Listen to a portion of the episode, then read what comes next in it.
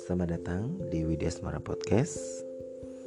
Kali ini gue akan lanjutin bacain buat kalian semua Buku dari Kazuo Murakami Rahasia DNA Kali ini sampai di bab 4 Hidup dengan mengikuti kehendak alam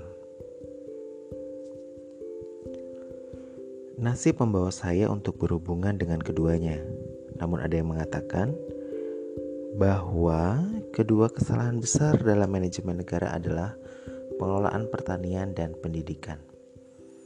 Menjauhnya produsen dan konsumen dari beras merupakan akibat dari proteksi ramah terhadap petani dan dorongan untuk mengurangi area persawahan. Saat ini dengan pembacaan genom saya juga terus melakukan penelitian agar bisa sedikit berguna untuk mengoreksi penyimpangan tersebut. Kesalahan kedua dalam bidang pendidikan yaitu kemunduran di sektor pendidikan dengan makin meningkatnya tindak kriminal yang dilakukan oleh remaja dan menurunnya kemampuan akademis. Saya merasakan hal itu ketika mengajar di sebuah universitas sebagai dosen tidak tetap beberapa tahun lalu. Kerusakan kelas bukan hanya monopoli SD atau SMP saja. Para mahasiswa di universitas itu dengan santainya ngobrol meski perkuliahan sedang berlangsung dan kadangkala terdengar suara dering ponsel. Kurang dari separuh yang mendengarkan perkuliahan dari saya. Karena itu terjadi sejak awal, jadi tidak ada kaitannya dengan menarik atau tidak menariknya perkuliahan. Kalaupun membosankan, lebih baik mereka tidur atau keluar dari kelas. Karena dulu saya juga termasuk siswa level bawah, jadi saya cukup toleransi dengan hal, -hal seperti itu. Cukuplah orang yang tertarik saja mendengarkan. Tapi mereka meski tak tertarik, mereka ada di kelas. Namun tidak memperhatikan perkuliahan dan malah bicara dengan teman. Akhirnya saya marah. Berhenti mengobrol atau kalau tidak lebih baik keluar dari kelas karena saya tidak akan mengabsen kalian. Lalu tanpa malu-malu, separuh dari mahasiswa itu pun keluar. Pemandangan seperti ini sudah bukan hal aneh lagi di kampus atau saat upacara kedewasaan. Guru juga memiliki andil dalam hal ini. Namun pihak yang diajarkan tidak memiliki sikap dasar seperti mendengarkan pembicaraan orang lain dan tidak mengganggu pembicaraan orang lain. Di Universitas Kuba, hal itu sedikit sekali. Namun karena ini terjadi pada mahasiswa dari institusi pendidikan tertinggi, maka dapat dibayangkan seperti apa di SMA dan SMP. Itulah yang saya pikirkan. Lalu suatu waktu sebuah lembaga les bernama Shu Yujuku meminta saya untuk memberikan kuliah. Setelah saya tanyakan, ternyata itu adalah lembaga les khusus untuk anak-anak yang tidak bersekolah dan saya diminta untuk berbicara di depan para murid dan orang tua murid. Saya yang menerima permintaan itu pun datang tanpa berharap apa-apa. Kalau mahasiswa saja bersikap seperti itu, tidak mungkin anak-anak yang tidak sekolah akan benar-benar mendengarkan pembicaraan soal gen sedari awal. Tapi ternyata dugaan saya salah. Anak-anak dari lembaga les Shuyujuku benar-benar mendengarkan pembicaraan saya dengan antusias. Saya memiliki riwayat panjang dalam mengajar dan belum pernah saya bertemu dengan tatapan-tatapan yang begitu serius dan bersemangat. Mereka bukan hanya diam mendengarkan dengan serius, tapi dengan sesi tanya jawab setelah ceramah pun mereka melemparkan pertanyaan yang benar-benar cerdas. Dan dalam hati saya dibuat kaget dengan kesadaran mereka akan masalah dan juga tingginya daya pemahaman mereka. Ditambah lagi beberapa hari kemudian saya mendapat kiriman puluhan surat kesan-kesan yang mereka tulis dengan kemauan mereka sendiri. Tidak ada kesempatan untuk menunjukkan isi surat itu di sini namun semua surat ditulis dengan sopan, penuh perasaan dan kalimat yang jelas. Sungguh isi surat yang luar biasa, di mana dengan satu kali membacanya, saya bisa merasakan keunggulan otak dan juga ketulusan manusiawi mereka. Dan yang lebih mengagetkan saya adalah, meski mereka pelajar SMP, tapi mereka cukup bisa memahami soal mekanisme nyala atau padamnya gen dan kondisi yang bisa memunculkannya seperti yang tertulis dalam buku ini atau soal peran ilmu pengetahuan dan hubungannya dengan sesuatu yang agung. Selain memahami dengan benar maksud saya, Bersama dengan ucapan terima kasih untuk ceramah yang sudah saya berikan, mereka juga menuliskan kata-kata yang menjadi penyemangat saya ke depannya. Sejak saat itu, persepsi saya terhadap anak-anak putus sekolah berubah 180 derajat. Singkatnya, anak-anak yang tidak sekolah atau tidak bisa sekolah bukan karena adanya masalah pada diri mereka, tapi tidakkah karena adanya masalah pada lingkungan sekolah dan sistem pendidikan yang mendesak mereka untuk tidak bersekolah. Tidakkah anak-anak putus sekolah lahir dari sekolah yang menitik beratkan pada pendidikan ikut ujian dan juga penyimpangan masyarakat yang menginginkan hal itu dari sekolah? Seperti itulah kita mengubah pendekatan cara berpikir kita. Sebelumnya jujur saja yang ada di kepala saya hanyalah konsep umum di mana bersekolah adalah hal yang sudah semestinya dan anak-anak yang tidak sekolah artinya anak-anak gagal. Tapi setelah bertemu mereka, saya jadi benar-benar merasakan kalau itu hanyalah prasangka stereotip semata. Orang yang begitu antusias mendengarkan pembicaraan orang lain dan memiliki kemampuan memahami sedemikian dalam, pastilah bukan orang-orang gagal. Malahan mereka adalah para murid di mana gen mereka menjadi menyala dan saya merasakan sendiri hal itu. Setidaknya anak-anak putus sekolah yang saya temui jauh lebih baik daripada mahasiswa yang tidak mendengarkan perkuliahan. Ketika pelajar yang tidak bisa mendengarkan pembicaraan orang lain berhasil lolos kompetisi ujian dan melanjutkan sekolah ke jenjang universitas, di lain pihak ada para pelajar yang begitu antusias dan memiliki daya pemahaman yang baik yang mendapat cap anak-anak gagal dari pendidikan di sekolah. Tidakkah ini menunjukkan bahwa dalam hal ini yang salah bukanlah anak-anak yang putus sekolah, melainkan sekolah dan sistem pendidikan? Terlepas dari potensi dan kemampuan mereka yang sangat besar, tapi sekolah dan lingkungan pendidikan saat ini telah mengurungnya. Bisa dibilang kondisi gen padam. Dapat dikatakan karena tahu betapa picik dan menyesakannya sekolah yang menitik beratkan pada pendidikan ujian, mereka menolak itu dengan tidak bersekolah. Artinya, dengan mengubah lingkungan pendidikan, kemampuan mereka yang tidak ditunjukkan di sekolah akan jadi menyala. Tidak sekolah pun akan berubah menjadi salah satu penyebab agar gen menjadi menyala. Dan Pak Toshio Ogoshi, kepala lembaga les Shiujuku, telah memahami hal itu sejak 26 tahun lalu dan mempraktikannya. Pak Ogoshi adalah pendidik swasta yang berhasil membangkitkan kembali 5.000 anak putus sekolah dengan cara memupuk semangat mereka. Alih-alih langsung menaruh perhatian pada potensi anak-anak putus sekolah itu, menyalakan tombolnya dan mengajarkan pengetahuan pada mereka.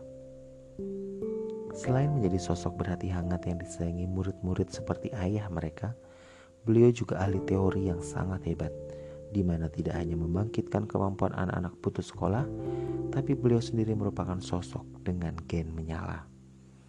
Itu karena cara Pak Aogosi membangkitkan kembali anak-anak putus sekolah yang diterapkan di Shiyujuku memiliki banyak sekali kesamaan dengan metode untuk menyalakan gen seperti yang sudah dijelaskan. Misalnya, dengan mengubah lingkungan, menitik beratkan pada semangat dan memberikan rasa haru dan lain sebagainya.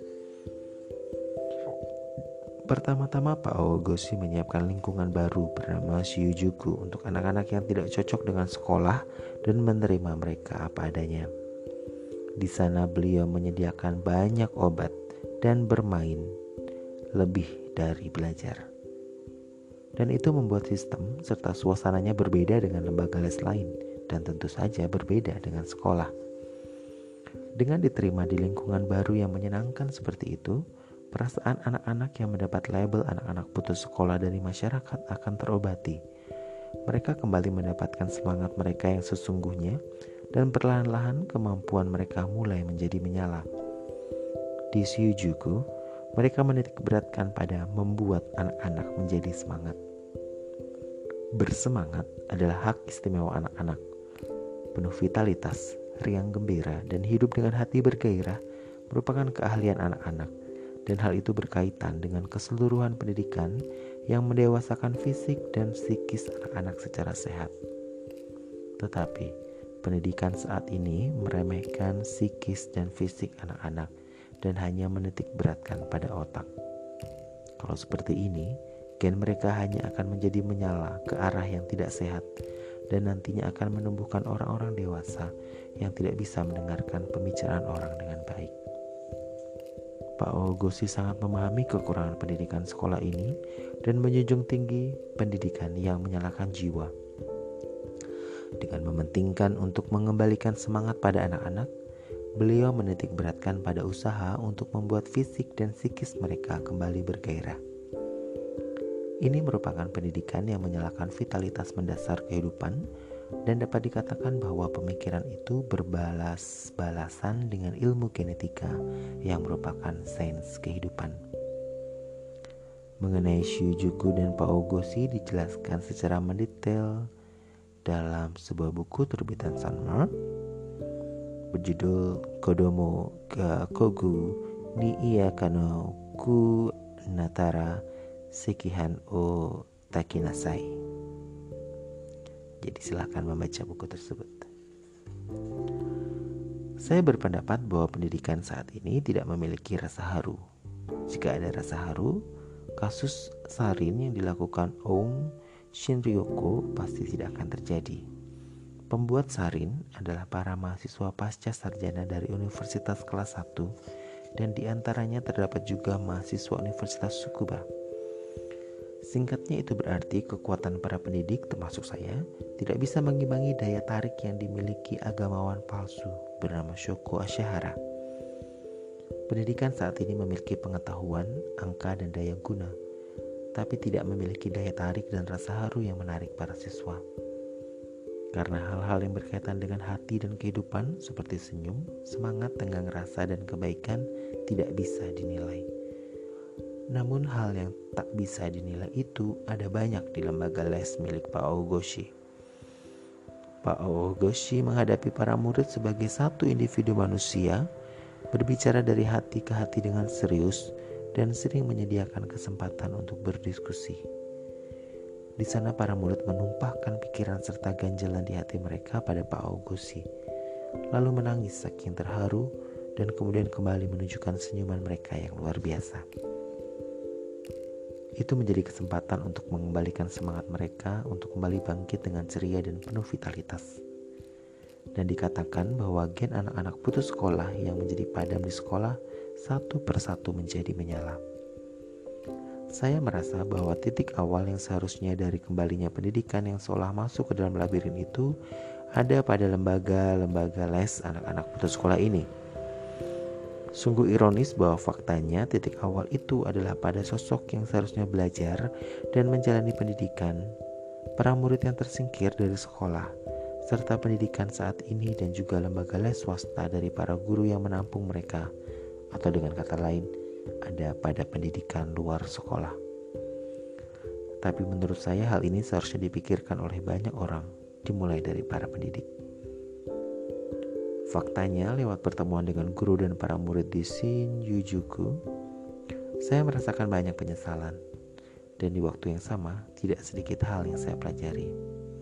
Sebagai contoh, sebelumnya saya pernah menjelaskan bahwa kegagalan bukanlah kerugian, tapi kesempatan menuju keberhasilan. Tapi pada tanya jawab setelah ceramah ini, saya mendengar kata-kata yang bermakna dari seorang siswa. Fakta bahwa saya DO dari SMA dalam masyarakat sekarang dipandang sebagai sebuah kemalangan. Tapi saya menganggapnya sebagai sebuah kesempatan dan saya ingin berusaha mengubah kemalangan itu menjadi keadaan baik. Ingin mengubah hal tak berguna yang bernama putus sekolah menjadi sesuatu yang berguna sebagai pemicu pengubah keadaan malang menjadi keadaan baik. Dan saya mendengar filosofi manusia seperti ini langsung dari mulut siswa DO berusia sekitar 17-18 tahun. Saya merasa daya pikir dan keyakinan itu luar biasa. Saya ingat bagaimana saya merasakan keharuan yang luar biasa, seolah dimarahi oleh diri saya sendiri ketika dia mengakui posisi di mana dia ditempatkan dan bagaimana dia memahami arah ke mana dia seharusnya melangkah. Saya bahkan berpikir untuk memperdengarkan hal itu pada para mahasiswa yang ngobrol di dalam kelas. Kebanyakan para pelajar tak punya waktu luang untuk merasakan hal itu. Mereka menaiki eskalator, melangkah ke depan, dan naik ke atas tanpa curiga, dan berusaha mati-matian untuk masuk perusahaan bagus. Dan mungkin di usia 40 atau 50-an, mereka akan menghadapi kemalangan bernama PHK. Di saat seperti itu, entah apakah mereka siap dengan kondisi malang dan kondisi baik seperti siswa yang DO di usia 18 tahun itu. Jika memikirkan hal itu, mengalami kegagalan di usia muda belasan tahun benar-benar merupakan pengalaman positif, seperti yang mereka katakan, dan bisa dibilang sebagai kesempatan untuk menyalakan tombol kesempatan yang ada di luar sekolah. Sama seperti toti potensi pada kelenjar susu dari domba cloning Dolly yang menjadi menyala akibat stres yang luar biasa, Kondisi kemalangan dan kondisi minus juga merupakan salah satu bentuk lingkungan. Karena meskipun itu merupakan kondisi yang buruk atau bahkan semakin buruk kondisi tersebut, maka akan berfungsi kuat sebagai faktor untuk menyalakan tombol gen yang tertidur. Ini akan jadi pengulangan, namun daya nalar serta daya pikir mereka yang unggul itu bukan sesuatu yang baru didapatkan hampir mendekati kebenaran jika kita katakan bahwa potensi yang memang sudah dimiliki kemudian mendapatkan lingkungan baik, yaitu Syujuku, dan akhirnya terbangun. Lalu Pak Ogoshi yang telah mempersembahkan semangatnya pada hal itu untuk yang panjang pun adalah manusia yang menerapkan cara hidup dengan gen menyala. Saya menulis agak panjang soal Pak Ogoshi dan murid-muridnya karena saya pikir meski apa yang dilakukannya sederhana, tapi memiliki kesadaran sosial yang sangat besar. Karena tertutupnya jalan anak-anak menuju masyarakat akibat mereka putus sekolah, artinya juga membahayakan masa depan negara dan apa yang dilakukan Pak Ogoshi juga menjadi salah satu dinding penahan bagi hal tersebut.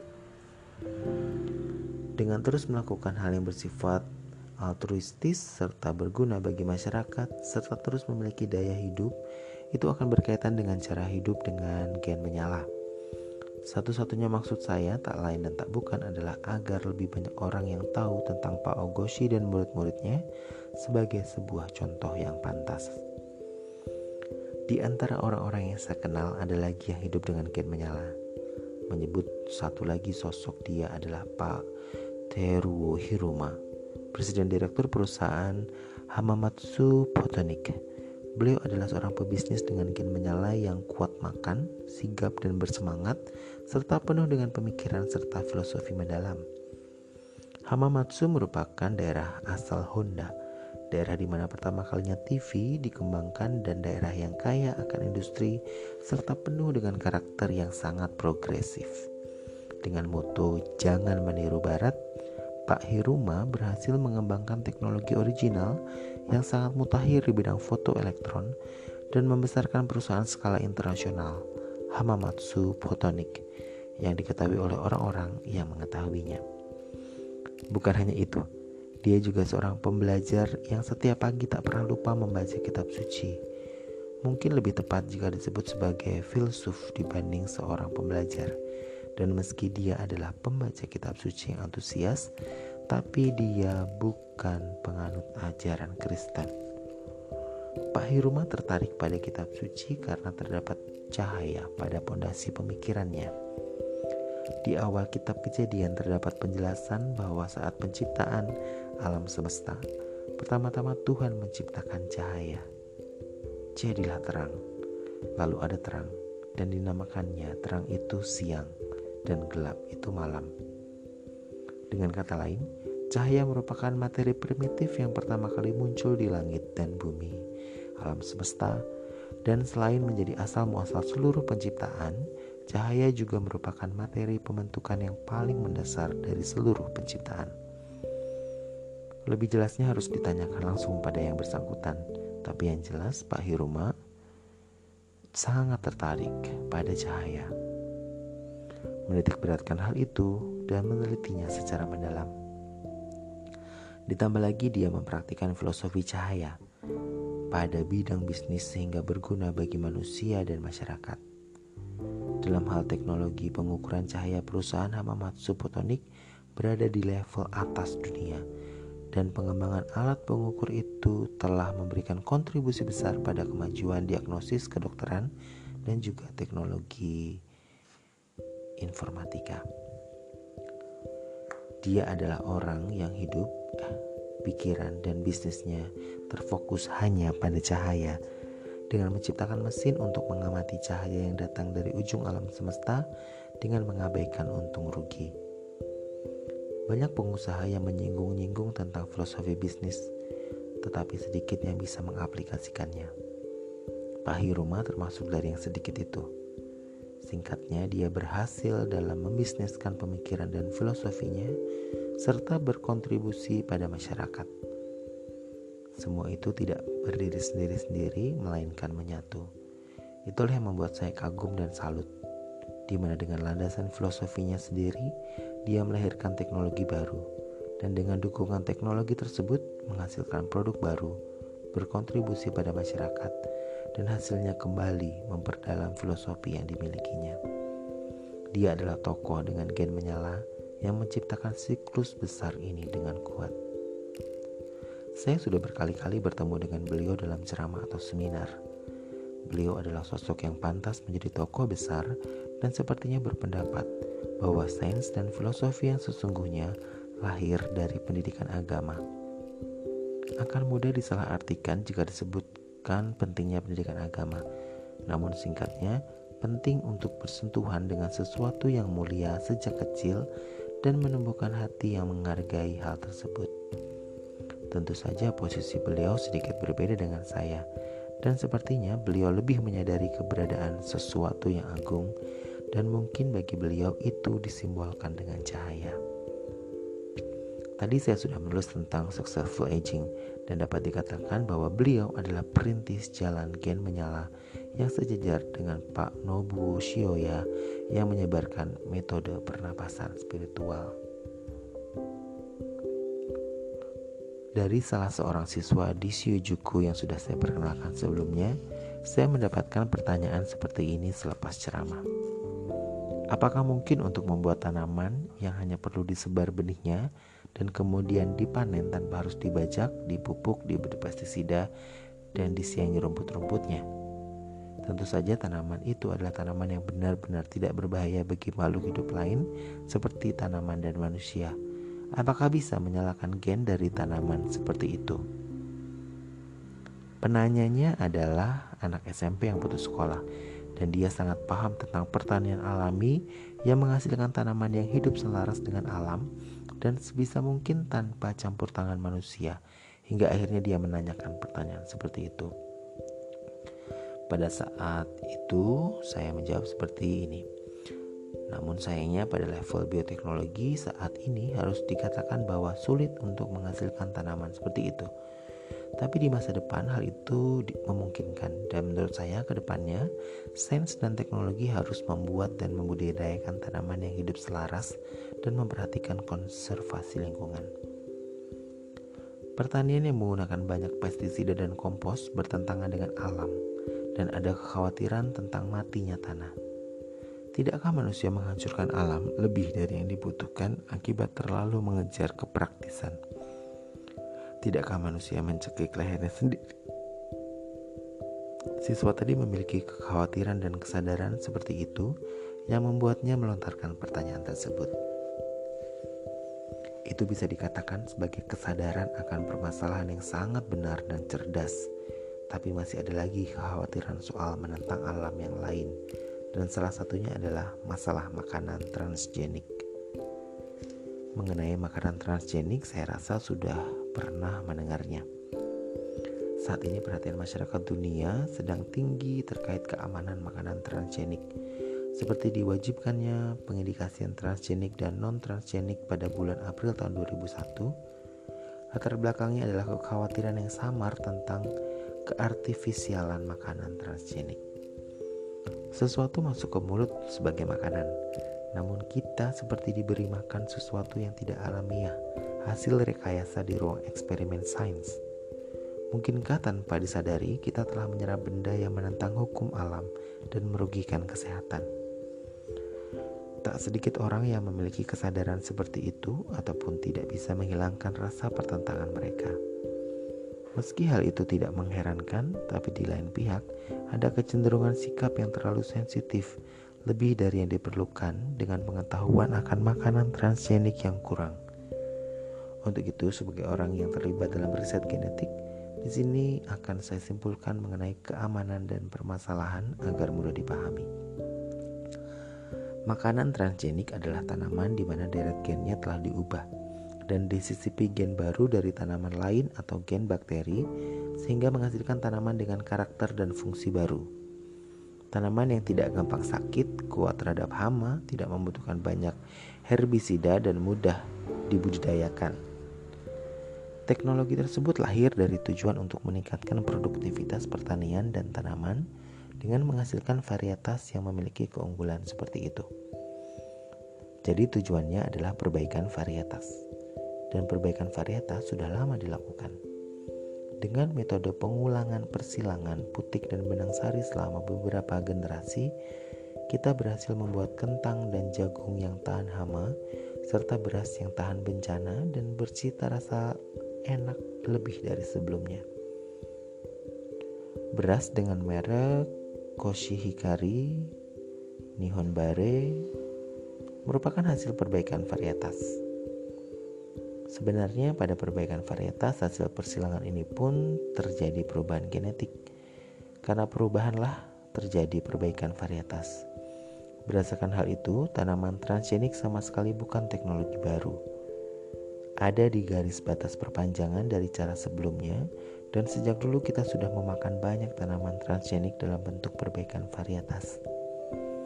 Pada prinsipnya, perbaikan varietas yang ada sebelumnya dan transgenik adalah sama – tanaman transgenik adalah perbaikan varietas dengan menggunakan gen. Jadi perbaikan varietas lama ini aman dan menurut saya pada dasarnya kita tidak perlu menganggap makanan transgenik yang baru mulai muncul di pasaran saat ini berbahaya. Karena kalau transgenik melawan alam dan merupakan tindakan berbahaya, maka, maka perbaikan varietas yang ada sebelumnya juga melawan alam dan merupakan tindakan berbahaya.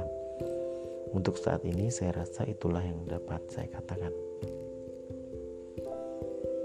Kalau begitu, kenapa kita tidak berhenti hanya di perbaikan varietas dan akhirnya menggunakan teknologi transgenik? Pada metode perbaikan varietas sebelumnya terdapat beberapa pembatasan besar. Misalnya hanya jenis yang sama atau sangat dekat saja yang bisa dimodifikasi. Dan untuk membuat varietas yang baik, persilangan harus dilakukan untuk beberapa generasi atau untuk mendapatkan varietas dengan karakter yang diharapkan butuh waktu yang sangat panjang dan usaha yang kompleks dan lain-lain.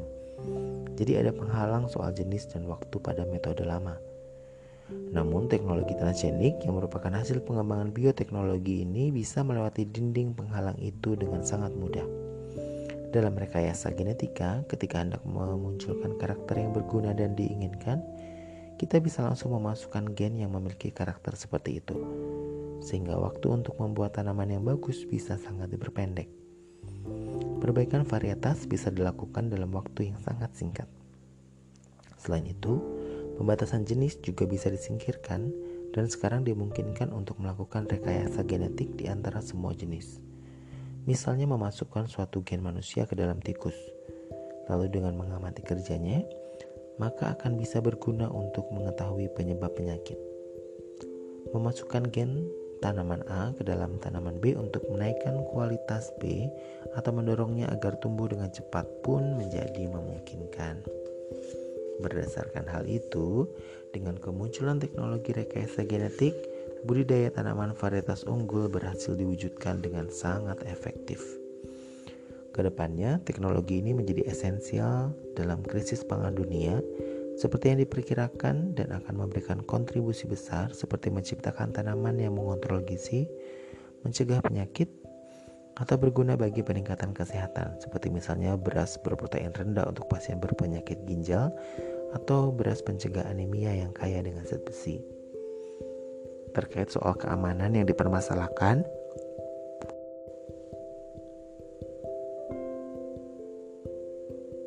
Dianggap tidak ada yang perlu dikhawatirkan soal rekayasa antar sesama jenis, seperti misalnya mendorong perbaikan varietas dengan memasukkan gen padi indica dari Thailand ke beras Jepang. Soal rekayasa yang melampaui jenis seperti memasukkan gen gandum pada jagung pun tidak perlu dikhawatirkan karena baik gandum maupun jagung keduanya sudah menjadi makanan kita untuk waktu yang panjang. Yang harus benar-benar diinvestigasi keamanannya misalnya memasukkan gen mikroorganisme ke dalam tanaman saya rasa keamanannya harus benar-benar dipastikan dengan serangkaian tes yang ketat. Pada kenyataannya, hanya yang sudah menjalani pengecekan keamanan dan berhasil lolos saja yang dilempar ke pasaran. Hanya saja tidak ada yang 100% aman dari sebuah teknologi baru. Moral hazard pihak yang mengaplikasikannya pun dipertimbangkan. Hal itulah yang memungkinkan menjadi faktor kekhawatiran dan pertentangan terhadap makanan transgenik. Namun, ini sama seperti obat di mana obat tidak bisa dikatakan aman dan memiliki efek samping tergantung pada orangnya. Tapi karena efek positifnya pada banyak orang melebihi efek sampingnya, maka diizinkan untuk dikonsumsi. Makanan transgenik tidak dapat dikatakan 100% aman, tapi jika membandingkan keuntungan dan kerugiannya, maka keuntungannya jauh lebih besar dan memiliki banyak keuntungan bagi kehidupan manusia. Saya berpendapat bahwa kuatnya penolakan terhadap makanan transgenik dikarenakan bersamaan dengan teknologi baru, efek serta keuntungannya terhadap orang yang mengkonsumsinya tidak diumumkan. Keuntungan dari makanan transgenik yang disampaikan oleh media massa cenderung pada keuntungan bagi produsen, sehingga hanya perlu memakai sedikit pestisida atau kuat terhadap hama, sedangkan keuntungan bagi konsumen hampir tidak pernah disampaikan. Menurut saya, kurangnya informasi seperti itu memicu timbulnya rasa ganjil terhadap makanan yang direkayasa secara buatan. Oleh karena itu, ke depannya, ketika makanan transgenik beredar di pasaran dan keuntungan bagi konsumen diketahui, seperti misalnya mencegah penyakit atau tanaman yang berguna untuk meningkatkan kesehatan, maka kekhawatiran dan rasa penentangan yang tidak beralasan perlahan-lahan pasti akan hilang. Sebenarnya terkait teknologi rekayasa genetik ini, untuk sementara waktu ilmuwan diminta untuk menghentikan penelitiannya. Para ahli hukum, agamawan, serta masyarakat pun berkumpul dan menetapkan panduan ketat tentang penelitian serta melarang penelitian dan penerapannya yang keluar jalur. Dari poin tersebut pun saya rasa keamanan makanan transgenik bisa dipercaya. Makanan transgenik ada di garis perluasan teknologi yang sudah diterapkan sejak dulu. Jadi pada dasarnya aman, bukan sesuatu melawan alam seperti yang disebutkan dalam masyarakat. Banyaknya orang yang mempertanyakan makanan transgenik mungkin karena terbayang itu sama dengan cloning. Namun yang harus diperjelas adalah meski sama-sama berbicara tentang gen, tapi keduanya adalah hal yang sama sekali berbeda. Hanya saja keduanya merupakan teknologi yang berkaitan dengan gen dan manusia bersentuhan dengan mekanisme fundamental kehidupan sehingga jelas dengan sendirinya membutuhkan rem yang didasarkan pada etik dan hukum. Contohnya pada cloning kita sudah berhasil membuat duplikat sapi, domba, sampai monyet. Secara teknologi cukup memungkinkan untuk melahirkan klon manusia. Pada kenyataannya, ada seorang dokter Italia yang berencana membuat manusia cloning sebagai pengobatan infertil dan kelompok agama baru di Kanada telah mengumumkan bahwa mereka hendak menghidupkan kembali bayi-bayi yang meninggal karena kesalahan penanganan medis. Namun ini merupakan gerakan khusus yang sangat sedikit dan banyak mendapat kritikan. Sebagian besar negara termasuk Jepang secara hukum melarang penerapan teknologi cloning terhadap manusia. Tingkat keberhasilan terhadap hewan pun kecil dan risiko mengiringi. Namun membuat duplikat bentuk kehidupan secara artifisial, artinya manusia sangat mencampuri kehendak alam dan melanggar martabat bentuk kehidupan. Lihat, sekarang teknologi baru bersejarah seperti ini sudah memungkinkan.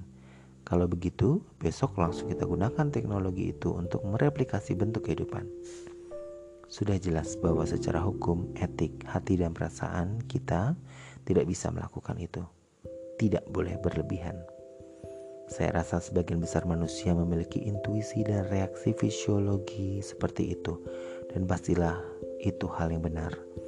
Karena pemikiran kita sendiri menolak reduplikasi yang mudah seperti ini. Tapi jika berbicara dengan memperingatkan diri sendiri, Ilmuwan adalah tipe manusia yang ingin mencoba teknologi baru lebih cepat dari orang lain. Apa yang baru? Jika bertemu, ilmuwan akan saling mengatakan itu, menginginkan teknologi baru, dan ingin mendapatkan hasil baru. Keinginan yang mendekati nafsu itulah yang telah memajukan ilmu pengetahuan dan yang melahirkan bom nuklir. Ilmu pengetahuan memiliki dua sisi, terang dan gelap tapi kadangkala ada kecenderungan pihak terkait jadi sulit membedakan akibat terlalu antusias mengharapkan hasil penelitian. Bukan hanya soal cloning, dalam hal pengobatan atau diagnosa genetik pun contohnya, ada risiko bocornya informasi yang sangat ekstrim berupa informasi genetik.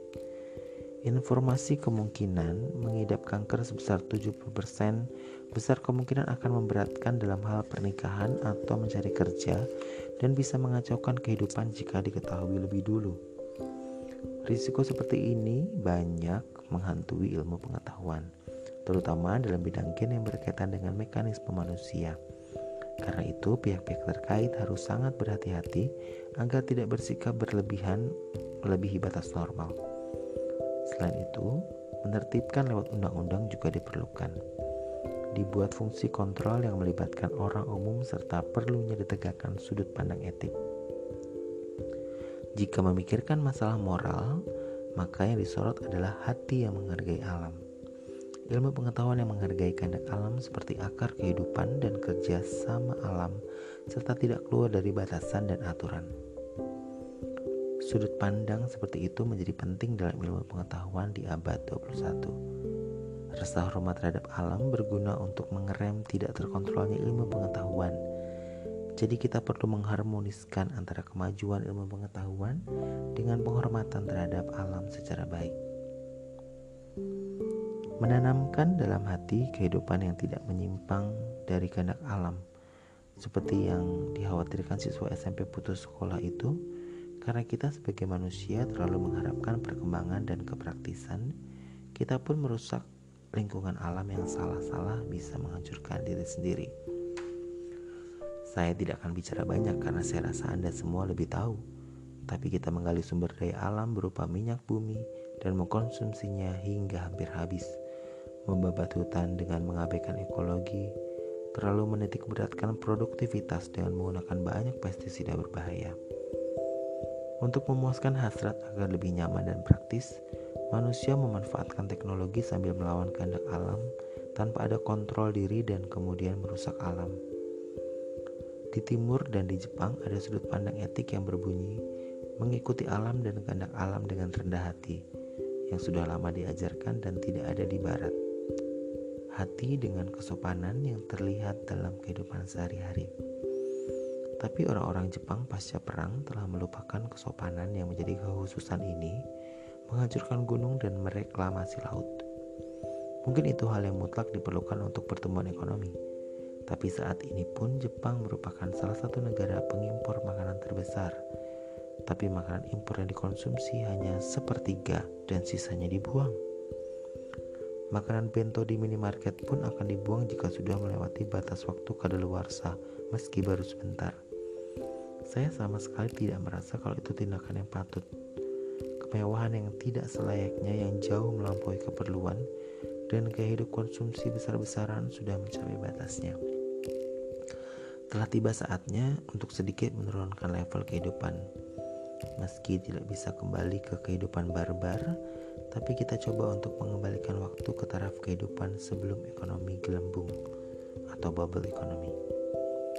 Memang menyenangkan seharian berada di ruangan yang dilengkapi dengan penghangat dan pendingin tapi meski udara sedikit dingin, jangan lantas bergantung pada AC. Namun pakailah satu lembar lagi baju. Usaha kecil seperti itu pun akan cukup menghemat energi. Dan kita harus memulainya dari usaha penghematan seperti itu. Karena lingkungan kita sudah mencapai titik batas kritis. Ini bukan penyuluhan, melainkan lebih merupakan masalah yang sangat mendesak. Mungkin saya berulang-ulang mengatakan ini, tapi yang berguna bagi pengamalan seperti ini di lingkungan ekologi terdekat adalah sikap yang menghormati kehendak alam dan bentuk kehidupan. Berhati-hati terhadap ego dan kehidupan dan jiwa yang memiliki rasa terima kasih. Tidakkah orang Jepang perlu kembali ke titik asal dan menunjukkan dirinya pada dunia sebagai model kehidupan? Kesopanan tidak hanya dibutuhkan dalam hal lingkungan. Belakangan ini hampir tidak ada hari di mana kita tidak melihat berita terkait gen di surat kabar, seperti misalnya penemuan gen yang menurunkan lemak netral, dimulainya pengobatan genetik pertama di dalam negeri terhadap kanker payudara, atau telah berhasil diidentifikasikannya gen pembuat otot dari penelitian gen Ascidiaceae. Penelitian gen telah mengalami kemajuan pesat. Untuk itu, kita harus menegakkan sudut pandang etik yang berlandaskan kesopanan terhadap bentuk kehidupan. Kalau begitu, dari mana lahirnya moral dan kesopanan itu? Untuk menjawabnya, kita perlu mengingat kembali gaya hidup orang Jepang zaman dulu. Dengan kata lain, tidak menyimpang dari kehendak alam. Jika menyebut contoh di sekitar kita, makan sampai kenyang hingga mengakibatkan sesak dan tidak bisa bergerak adalah dikarenakan itu merupakan tindakan tidak alami yang menentang keinginan tubuh dan jiwa. Jadi makan tidak sampai kenyang adalah hal yang selaras dengan kehendak alam. Sama halnya dengan keinginan dan kemewahan. Berhenti pada titik secukupnya dan tidak berlebihan. Jadi kita hidup dengan menanamkan dalam hati untuk tidak menyimpang jauh dari jalur kehidupan dan hukum alam. Dengan begitu, pasti kita akan memiliki kesopanan terhadap alam. Jika diungkapkan dengan kata lain, kehendak alam akan menjadi sesuatu yang agung. Kekuatan maha besar yang jauh melebihi intelijensia dan kemampuan manusia. Dan saya menyebutnya sesuatu yang agung. Saya sudah menulisnya berkali-kali bahwa sehari-hari berkulat dengan dunia super mikro yang bernama gen membuat saya berulang kali berpikir siapakah yang telah menulis cetak biru kehidupan yang sangat halus dan detail yang sangat indah ini. Jika terbentuk secara kebetulan tanpa tujuan, mustahil memiliki informasi yang begitu memiliki arti. Benar-benar melebihi kekuatan manusia. Jika sudah begitu, mau tidak mau, kita jadi mengasumsikan eksistensi sang perancang. Untuk itulah sementara waktu saya menamainya sesuatu yang agung. Sejak diperkenalkan di buku, kata-kata ini sepertinya perlahan-lahan mulai mendapatkan privilege dan permintaan untuk memberikan ceramah tentang sesuatu yang agung pun meningkat banyak. Saya juga pernah menyampaikannya pada Yang Mulia Kaisar beserta permaisuri. Suatu saat bersama dengan Dr. Riona Esaki, saya dipanggil ke istana kekaisaran kami mendapat undangan dari kaisar beserta permaisuri dan dijamu hidangan Perancis. Kami bertiga, saya, Dr. Reona dan satu orang lagi kepala laboratorium dari suatu perusahaan.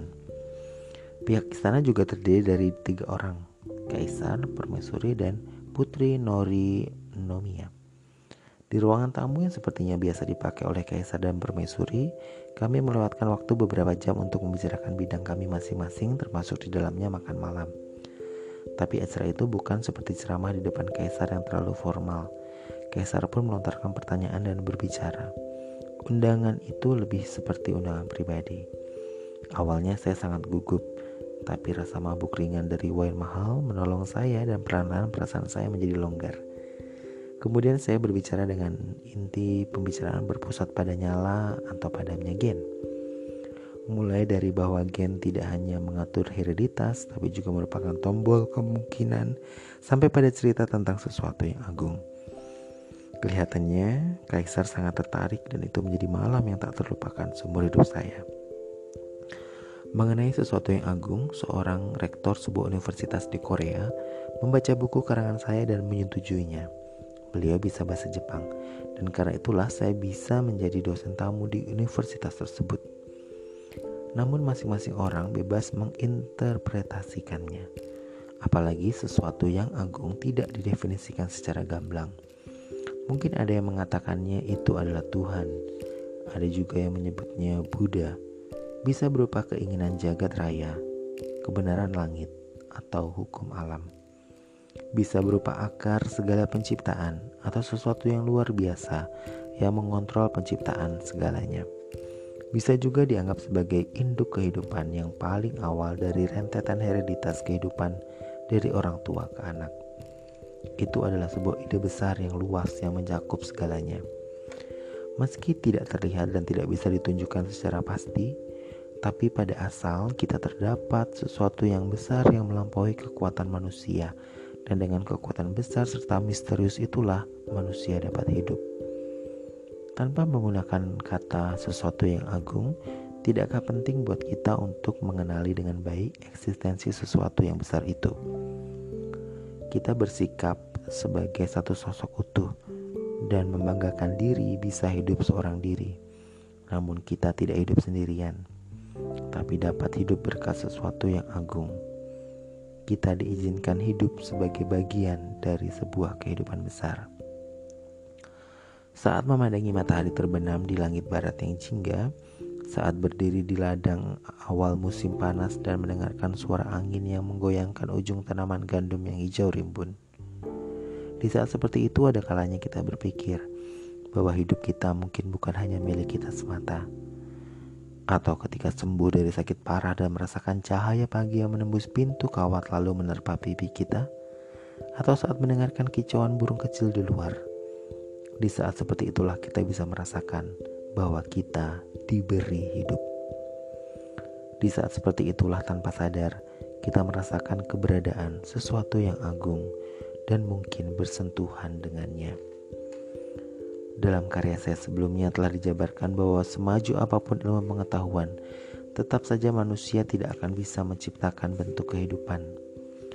Sekalipun bisa membuat duplikasi bentuk kehidupan, namun mustahil untuk menciptakan bentuk kehidupan itu sendiri, sekalipun dengan teknologi ilmiah termutakhir. Hal ini juga merupakan bukti bahwa manusia diberi hidup. Jika manusia dianalisis sampai ke tataran elemen kimiawi, akan diketahui kalau semua unsurnya terbentuk dari elemen kimia yang ada di muka bumi. Ini pun membuktikan kalau kehidupan kita tidak dihasilkan sendiri, melainkan pinjaman dan pemberian dari sesuatu yang agung. Meskipun manusia mengharapkan keabadian, hal itu jelas tidak akan terwujud. Semua yang memiliki jiwa suatu saat harus mati. Kenapa kehidupan harus mati? Mungkin karena kehidupan adalah pinjaman. Kematian adalah saat mengembalikan tiba. Kalau begitu, siapa sih pemberi pinjaman itu? Menurut saya, dia adalah sesuatu yang agung. Mungkin ada yang tidak setuju dengan pemikiran ini. Saya pun tidak bermaksud menyimpulkan bahwa seperti ini, dan tak seorang pun bisa menyimpulkannya. Namun, dengan mengasumsikan sesuatu yang agung seperti itu, kita diberi hidup sebagai bagian dari kehidupan besar tersebut. Menurut saya, sangat penting untuk benar-benar merasakan seperti itu. Tahu bahwa kita bukan hidup, tapi diberi hidup dengan mengikuti kehendak alam yang disebut sesuatu yang agung. Karena persepsi dan kesadaran itu membuat manusia jadi rendah hati, dan itu juga berkaitan dengan perolehan akan kesopanan yang sejati. Dengan begitu, manusia akan bisa hidup dengan benar dan berhati-hati, dan bisa tumbuh sebagai manusia seutuhnya. Selain itu, dengan menyalakan gennya, Seyogyanya manusia bisa membangkitkan kemampuan tak terbatas yang ada dalam dirinya. Saya pernah berkesempatan berdialog dengan Dr. Kunitomo Sakurai, mantan ketua peneliti NASA sekaligus ilmuwan astrofisika, dan beliau memaparkan hal yang sangat menarik bahwa tidak diketahuinya waktu 3 menit awal dalam kelahiran alam semesta. Mengenai bagaimana alam semesta berevolusi dan berkembang dari waktu 3 menit setelah Big Bang hingga saat ini, sebagian besar telah terjelaskan secara ilmiah. Tapi apa yang terjadi di rentang waktu 3 menit setelah Big Bang? Sampai sekarang hal itu belum terjelaskan. Saya pikir waktu 3 menit di sini adalah perumpamaan angka dari waktu sesaat di awal asal muasal alam raya. Namun belum diketahui apa yang terjadi dalam waktu sesaat itu. Seandainya waktu ledakan sedikit saja kacau, tidak mungkin ada ruang angkasa, bumi, dan kehidupan saat ini. Kalaupun ada, mungkin bentuknya akan lain. Bukan hanya waktu, kalau saja ada hal kecil dari semua materi dan kejadian yang lahir pada waktu 3 menit vakum itu sedikit saja ada yang berbeda, pasti tidak akan ada alam raya dan kehidupan seperti bentuknya sekarang ini. Jika satu saja debu tercampur di sana, mungkin bumi tidak akan lahir dan manusia tidak akan muncul. Begitulah dijelaskan dari Dr. Sakurai mengenai bahwa itu bukan kebetulan dan beliau merasakan maksud alam semesta. Saya ingat merasakan keharuan alih-alih ketertarikan secara intelektual. Sebuah keseimbangan cemerlang yang terjalin oleh alam raya. Semua benda langit di dalamnya dan semua kehidupan yang hidup di sana seperti yang ada sekarang ini dibanding menganggap itu sebagai suatu kebetulan akan lebih alami dan berkesesuaian jika kita tafsirkan sebagai sesuatu yang tercipta atas sebuah keinginan besar. Kecemerlangan itulah keseimbangan alam semesta. Karena ini sama persis dengan yang saya rasakan sehari-hari dalam dunia super mikro bernama gen.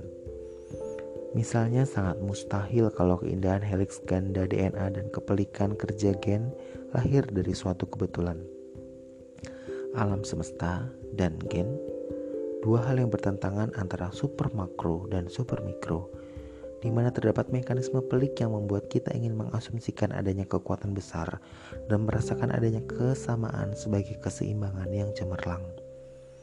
Kadangkala kita berpikir, adakah makna di balik keluar biasaan yang muncul dari dua hal ekstrim bernama alam semesta dan gen? Kedua hal itu adalah yang terbesar dan terkecil serta menggambarkan bentuk yang mirip yang memiliki arti. Alam semesta di luar tubuh dan alam semesta di dalam tubuh bersaut-sautan dan berkaitan, serta memiliki asal muasal yang sama. Tidakkah keduanya berasal dari maksud yang sama? Subjek sang penghasil maksud itulah sesuatu yang agung yang menjadi asal alam semesta dan bentuk kehidupan. Kita bisa menganggapnya demikian. Dan jika seandainya asal muasal dari alam semesta dan gen sama, maka gen atau dengan kata lain jiwa kita lahir dan diberi hidup dari maksud alam semesta dan kehendak alam. Saat ini pembicaraan genom berlangsung dengan cepat dan kerja gen terus diuraikan. Dengan pembacaan kode bentuk kehidupan manusia mulai mendapat petunjuk untuk memecahkan pertanyaan terbesar bagi bentuk kehidupan itu sendiri, yaitu apa itu kehidupan? Entah kapan, tapi ketika semua kode itu selesai dibaca, kita pasti akan mengetahui satu jawaban terkait kehidupan termasuk misteri gen dan rahasia asal muasal alam semesta.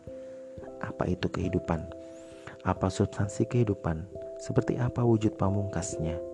Dari mana asalnya dan ke mana tujuannya? Apa tujuan hidup? Apa makna kematian? Kita berharap sebagian dari prinsip kehidupan seyogianya akan menjadi jelas bersamaan dengan ditemukannya sidik jari sesuatu yang agung di dalam cetak biru bentuk kehidupan, mungkin kita juga akan bisa membaca sebagian dari maksud itu. Dan agar hari itu bisa secepatnya tiba, sebagai salah seorang pihak terkait, saya ingin terus melakukan penelitian tanpa lupa akan rasa haru. Demikian akhir dari bab 4 buku Rahasia DNA karya Kazuo Murakami Hidup dengan mengikuti kehendak alam sekaligus akhir dari pembacaan buku ini. Terima kasih buat yang mendengarkan sejauh ini. Mohon maaf apabila ada gangguan suara, keterbatasan maupun hal-hal yang kurang nyaman dalam pembacaan ini. Terima kasih. Tetap jaga kesehatan, tetap rendah hati, selalu berbuat baik, dan selalu berusaha menjadi sahabat bagi siapa pun. Karena seorang sahabat menaruh kasih setiap waktu dan menjadi seorang saudara dalam kesukaran. Gua Dias Aditya, terima kasih. Bless ya.